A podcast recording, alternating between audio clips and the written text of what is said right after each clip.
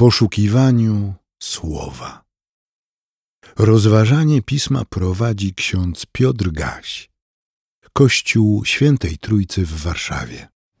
Łaska wam i pokój od Boga Ojca naszego i Pana Jezusa Chrystusa, który wydał samego siebie za grzechy nasze, aby nas wyzwolić z teraźniejszego wieku złego według woli Boga i Ojca naszego, któremu chwała na wieki wieków. Amen. W liście do Hebrajczyków w piątym rozdziale od pierwszego wersetu czytamy: Każdy bowiem arcykapłan z ludzi jest brany i dla ludzi jest ustanowiony w sprawach odnoszących się do Boga, aby składał dary i ofiary za grzechy. Jest on w stanie współczuć tym, co nieświadomie błądzą, gdyż sam podlega słabości. I z tego powodu musi zarówno za lud i za siebie składać ofiary za grzechy. Nie sam dla siebie bierze też ktoś tę godność, lecz jest powołany przez Boga tak jak Aaron, tak i Chrystus. Sam siebie nie okrył chwałą, gdy stał się arcykapłanem, ale uczynił to ten, który powiedział do niego: Ty jesteś moim synem, dzisiaj ja Ciebie zrodziłem. Podobnie mówi w innym miejscu: Ty jesteś kapłanem na wieki, na wzór Melkizedeka. On podczas swojego ziemskiego życia, głośno wołając, ze łzami zanosił błagania i prośby do tego, który mógł go ocalić od śmierci i został wysłuchany z powodu swojej uległości. Chociaż był synem, przez to, co wycierpiał, nauczył się posłuszeństwa tak uczyniony doskonałym stał się przyczyną wiecznego zbawienia dla wszystkich, którzy są mu posłuszni. A Bóg ogłosił go arcykapłanem na wzór Melchizedeka. Ojcze, dziękujemy Ci za syna Twego, jedynego pośrednika między Tobą a nami, w którym odsłaniasz nam i dajesz nam jedynego, doskonałego arcykapłana, który nie tylko przed Tobą wybłagał od, na, dla nas pojednanie i przebaczenie grzechów naszych, ale samego siebie uczynił ofiarą, barankiem doskonałym, który gładzi grzech świata. To, co niepojęte i tak bardzo nieraz kłócące się z naszym światem pojęć, myśli, definicji, odsłoń przed nami i połóż na naszych sercach jako dobrą nowinę. Uczyń to dla chwały Twojej, dla naszego pokoju i zbawienia. Amen.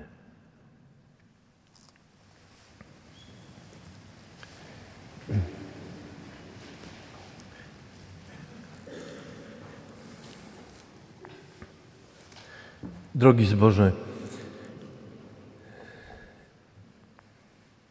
ze Starego Testamentu zostały odczytane słowa, które należą do jednych z najtrudniejszych, bo myślę, że nie tylko na nabożeństwie, na którym są w większości dorośli, ale także, a może przede wszystkim na lekcjach nauczania kościelnego, na szkółkach niedzielnych, kiedy mamy wyłożyć tekst przypominający o wezwaniu Abrahama przez Boga i złożenia Izaaka w ofierze, to jest coś, co porusza, jest okrutne. I najczęściej w takich sytuacjach pojawia się znowu to wewnętrzne poczucie, że Stary Testament jest jakiś odrzucający, zniechęcający, jest okrutny, I że ten Bóg objawiony w Starym Testamencie jest jakiś inny, nieprzystający do tego, którego poznajemy poprzez czytania w Nowym Testamencie.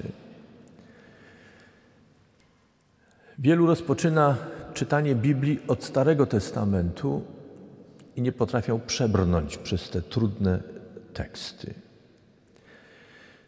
I zniechęceni nie docierają do Nowego Testamentu.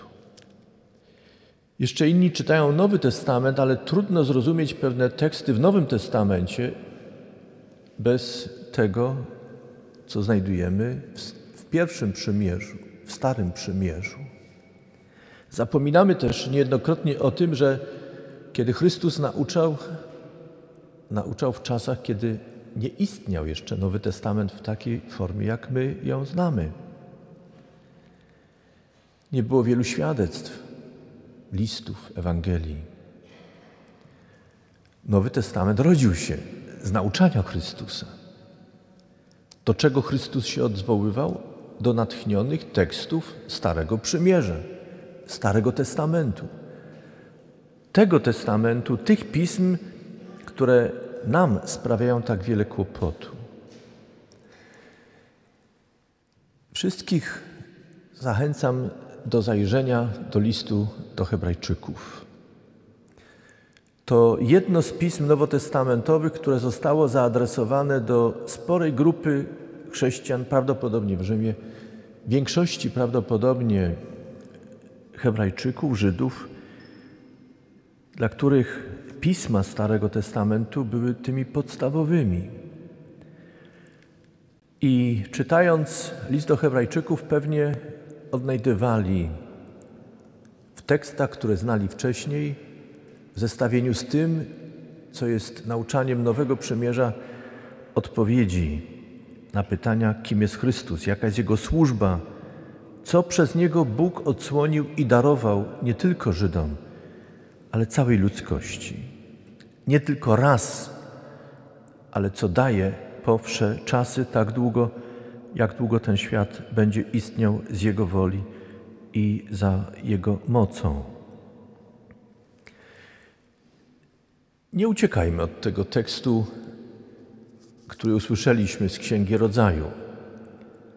Historia ofiarowania Izaaka. Wspomnę, że ofiarowywanie dzieci Bogom było częstą praktyką w tamtym czasie. Także w ludach, wśród których żył Abraham. Dlaczego to czyniono? Uważano, że jeśli człowiek da Bogu to, co najcenniejsze, tego, który jest najdroższy, własne dziecko, okaże Bogu szczególną cześć i okaże też w ten sposób, jak szczere jest jego pragnienie i dążenie, by zaskarbić sobie łaski bóstwa, któremu składana jest ofiara. Dlaczego Bóg, którego znamy jako Bóg Abrahama, Izaaka, Jakuba, Bóg Jahwe, miałby się upodobnić do innych bóstw, które utożsamiano z krwawymi bóstwami, żądającymi życia krwi, tym najbliższych dzieci własnych. Jeśli dobrze wczytamy się w ten tekst i zestawimy go z innymi zapisami w Starym Testamencie, przekonamy się, że przelana krew oznaczała zofiarowane życie. W krwi bowiem lokalizowano tchnienie życia. Jeśli czytamy dalej, przekonamy się, że Bóg, którego czasem utożsamiamy z innymi pragnącymi krwi bóstwami, prowadzi Abrahama drogą trudną, śliską. Wydaje się bowiem, że Bóg, któremu służy Abraham, jest podobny do innych, żądając życia Izaaka. Jak się wszystko zakończyło, słyszeliśmy. Co ważne, zwróćcie uwagę, że Bóg nie tylko mówi do Abrahama, nie podnoś na niego ręki swojej, ale także mówi i nie krzywdź go. To więc, co jest zapisane w tekście, świadczy wyraźnie o tym, że Bóg postrzega tego rodzaju ofiarę jako krzywdę zadaną własnemu dziecku. Co więcej, późniejszych czasach, w wielu miejscach odstępstwo od Boga Abrahama, Izaaka, Jakuba charakteryzowało się między innymi tym, że Izrael wracał do starej pogańskiej praktyki składania z dzieci własnych ofiary. Jaka konkluzja? Bóg poddał próbie Abrahama, ale jednocześnie pokazał Abrahamowi, że choć chce najwyższej próby posłuszeństwa i oddania, nie jest tym Bogiem, który chce krzywdzić człowieka. I nie jest tym, który krzywdzi ich własne dzieci. Zabrania tego Abrahamowi, zabrania przelania krwi Abrahama i ta praktyka zostaje ustalona w Izraelu jako ważna i nienaruszalna. Jeśli w późniejszym czasie działy się wcześniejsze pogańskie praktyki składane, składanie ofiar z dzieci, było to bezbożnością i odstępstwem od Boga. Ale to nie wszystko. Kraj, o którym słyszeliśmy, Moria, trudno jest zlokalizować. Wedle tradycji żydowskiej uważano, że góra, na której był złożony, miał być złożony Izaak, a ostatecznie został złożony baranek, to góra, na której potem została zbudowana świątynia. Świątynia jerozolimska. Jak wiemy, w tej świątyni była praktyka składania ofiar ze zwierząt, w tym ta najważniejsza ofiara, która była składana raz w roku przez najwyższego kapłana, przez arcykapłana, który po odpowiednim rytuale wcześniejszym stawał pomiędzy miejscem świętym i tym najświętszym, nazywane świętym świętych, stawał z krwią zabitego baranka złożonego w ofierze za grzechy ludu i zmawiał modlitwę przebłagalną. Dokonywał w ten sposób pojednania i wyjednania przed Bogiem przebaczenia grzechów. Jak słyszeliśmy dzisiaj z listu do Hebrajczyków, arcykapłan, choć powołany przez Boga, rozumiejący słabości ludzkie, sam potrzebował tej ofiary przebłagania, bowiem sam podlegał słabościom, jak każdy inny człowiek, był grzesznikiem. Nie zmieniał tego nawet diadem czy brosza, którą nosił na swojej głowie, na nakryciu głowy, poświęcony Panu. Choć jego godność arcykapłańska była utożsamiana z godnością królewską, był niedoskonały. Potrzebował ofiary przebłagania tak jak każdy inny. I tutaj dochodzimy do dzisiejszego czytania z Nowego Testamentu, z Nowego Przymierza. List do Hebrajczyków jest ważny, jak każda inna księga, ale Pisma Świętego. Ale list do Hebrajczyków jest ważny szczególnie dla tych, którzy poszukują odpowiedzi na pytanie, czym jest służba Chrystusa i Jego ofiara. List do Hebrajczyków daje nam odpowiedź. Jezus Chrystus, Zbawiciel świata, jest arcykapłanem doskonałym, bo Chrystus, choć doświadczył wszystkiego, czego doświadcza człowiek, nie popełnił grzechu. Jest święty i, doskonały. Jako arcykapłan, jak czytamy w liście do Hebrajczyków, przyszedł nie z krwią baranka zabitego, ale własną krwią. A jego wstąpienie do świątyni nie jest wstąpieniem do świątyni jerozolimskiej, ale wstąpił do świątyni niebiańskiej, która jest większa, ważniejsza od tej ziemskiej.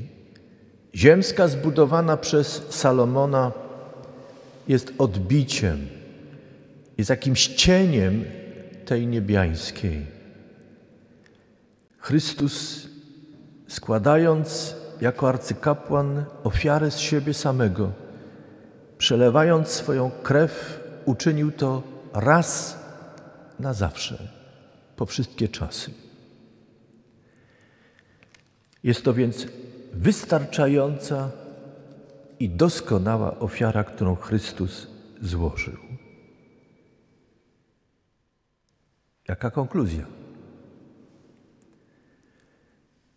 Przez Chrystusa, a wcześniej przez proroków, ogłasza, że nie jest Bogiem, który pragnie krwi.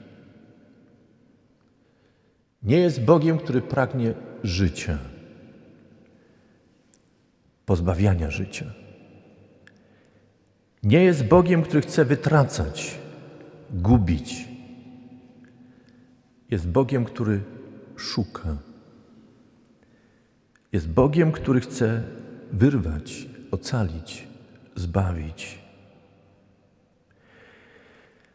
Jest Bogiem, który nie musi być przekonywany największymi wyrzeczeniami do tego, żeby był łaskawy wobec człowieka. Bóg jest łaskawy. Niezależnie, czy my o to, o to prosimy, czy nie, Bóg w swojej istocie jest Bogiem miłości i jest Bogiem łaskawym. Jeśli boicie się Boga i pytacie czasem, czy wobec Was, wobec Ciebie, wobec mnie okaże swoją dobroć i łaskę, to znaczy, że chwiejemy się w swoim wierzeniu w Boga i przyjmowaniu tego, co Bóg mówi w swoim słowie, że nie chce śmierci grzesznika, nie chce zguby człowieka. Co więcej, nie chce zguby stworzenia. Kiedy mówimy o zbawieniu, zwróćcie uwagę na to, że bardzo często mówimy i koncentrujemy się przede wszystkim na człowieku. Ale zauważmy, że dzieło zbawienia, którego dokonuje Chrystus, jest zaopatrzone w obietnicę, którą wypowiada Chrystus, że Bóg tak umiłował świat, że syna swego jednorodzonego dał, aby każdy, kto w niego wierzy, nie zginął, ale miał życie wieczne. Nie wszyscy jesteśmy w stanie wierzyć świadomie, mocną wiarą. Nie wszystkim dano jednakowo. Stale wracam do takiej sytuacji, kiedy kiedyś miałem zaproszenie jednego z profesorów medycyny na oddział dzieci z niewyobrażalnie trudnymi porażeniami narodzonych dzieci. Wstrząsająca scena. Kiedy się ogląda takie sytuacje, rzeczywiście rodzi się nieraz pytanie, czy Bóg nie zapomniał o kimś w tym świecie. Albo czy w swoim rozdawaniu tak różnie, jednym więcej, innym mniej, czy jest sprawiedliwy?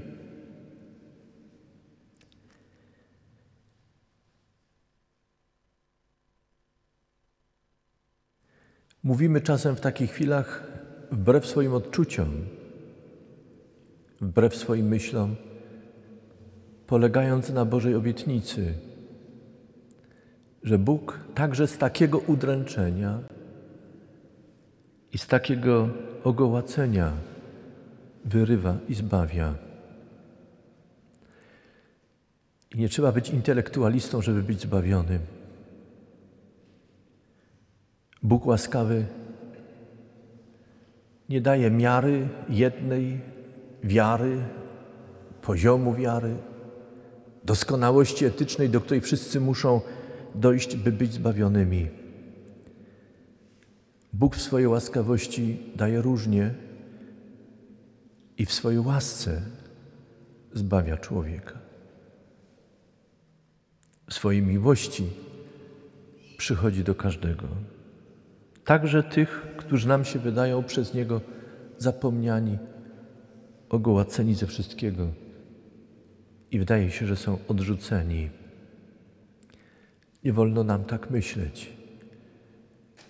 Choć jak powiedziałem, czasem coś jest silniejsze od naszych myśli, od naszych wyobrażeń, jakim powinien być Bóg miłości i dobroci. Bóg jest łaskawy. Daje tego dowód i znak przez swego Syna Jezusa Chrystusa. I w konkluzji, którą dzisiaj bierzemy ze sobą na dalszą drogę, jest właśnie to, że wraz ze śmiercią Chrystusa wszelkie składanie ofiar z ludzi, zwierząt jest bezpodstawne. Nie podoba się Bogu. Jest bezbożnością. Dlaczego? Bo jest ujmowaniem ofierze Chrystusa. Jest zewnętrznym świadectwem, że stwierdziliśmy, iż ofiara Chrystusa jest niewystarczająca. Co więcej, zajrzyjcie proszę do tego listu do Hebrajczyków, a przekonacie się, że wielokrotnie tekst podkreśla, że ofiara Chrystusa jest jednorazowa, wystarczająca, doskonała i niepowtarzalna. Czym jest więc dzisiejsze nabożeństwo i liturgia Eucharystii? W żadnym przypadku nie jest składaniem ofiary. Czym jest? Jest przypomnieniem i ogłoszeniem, że zbawienie przez Chrystusa dokonało się. Chrystus po wsze czasy stoi przed Ojcem Niebiańskim. Nie z krwią baranka, ale własną krwią.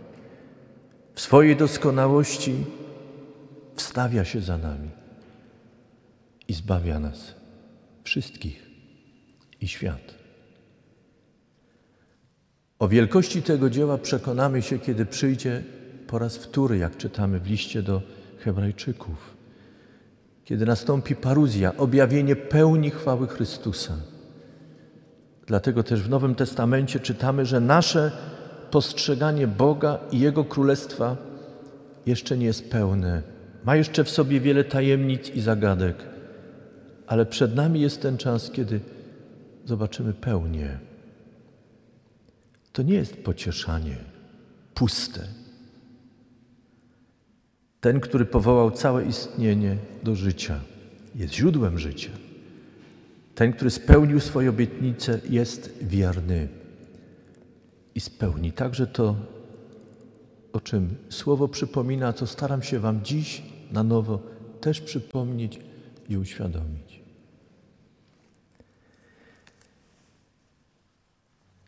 Niech nikt nie czuje się pominięty przez Boga.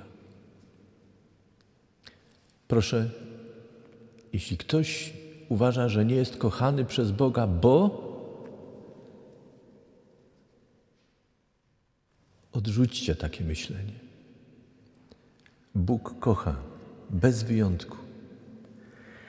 Bądźcie gotowi pójść z Nim. Czasem ta droga z Bogiem jest trudna, tak jak trudno było Abrahamowi iść przez czas próby, ale doświadczył wielkiej obietnicy. Zakończę hasłem dzisiejszego dnia. Tym słowem, które usłyszeliśmy już w Ewangelii. Syn człowieczy nie przyszedł, aby mu służono, lecz aby służyć i oddać życie swoje na okup za wielu. Nie musisz coś Bogu dać, żeby Bóg ci dał. Bóg już dał ci wszystko przez Chrystusa. Warto to przyjąć. Warto z tym darem zbawienia i nowego życia żyć. Z tego ma się rodzić nasz, cała nasza wdzięczność i dawanie Bogu, ofiarowanie Bogu tego, co najlepsze. Nie z lęku, nie ze strachu, ale z wdzięczności i z miłości dla Niego za bogactwo łask, które od Niego otrzymujemy, bez naszej zasługi, bez naszej godności. Amen. Przyjmijcie życzenie pokoju. A pokój Boży, który przewyższa wszelki rozum, strzec będzie serc i myśli waszych w Chrystusie Jezusie, Panu i Zbawicielu naszym. Amen. Więcej materiałów na www.trójcawaw.pl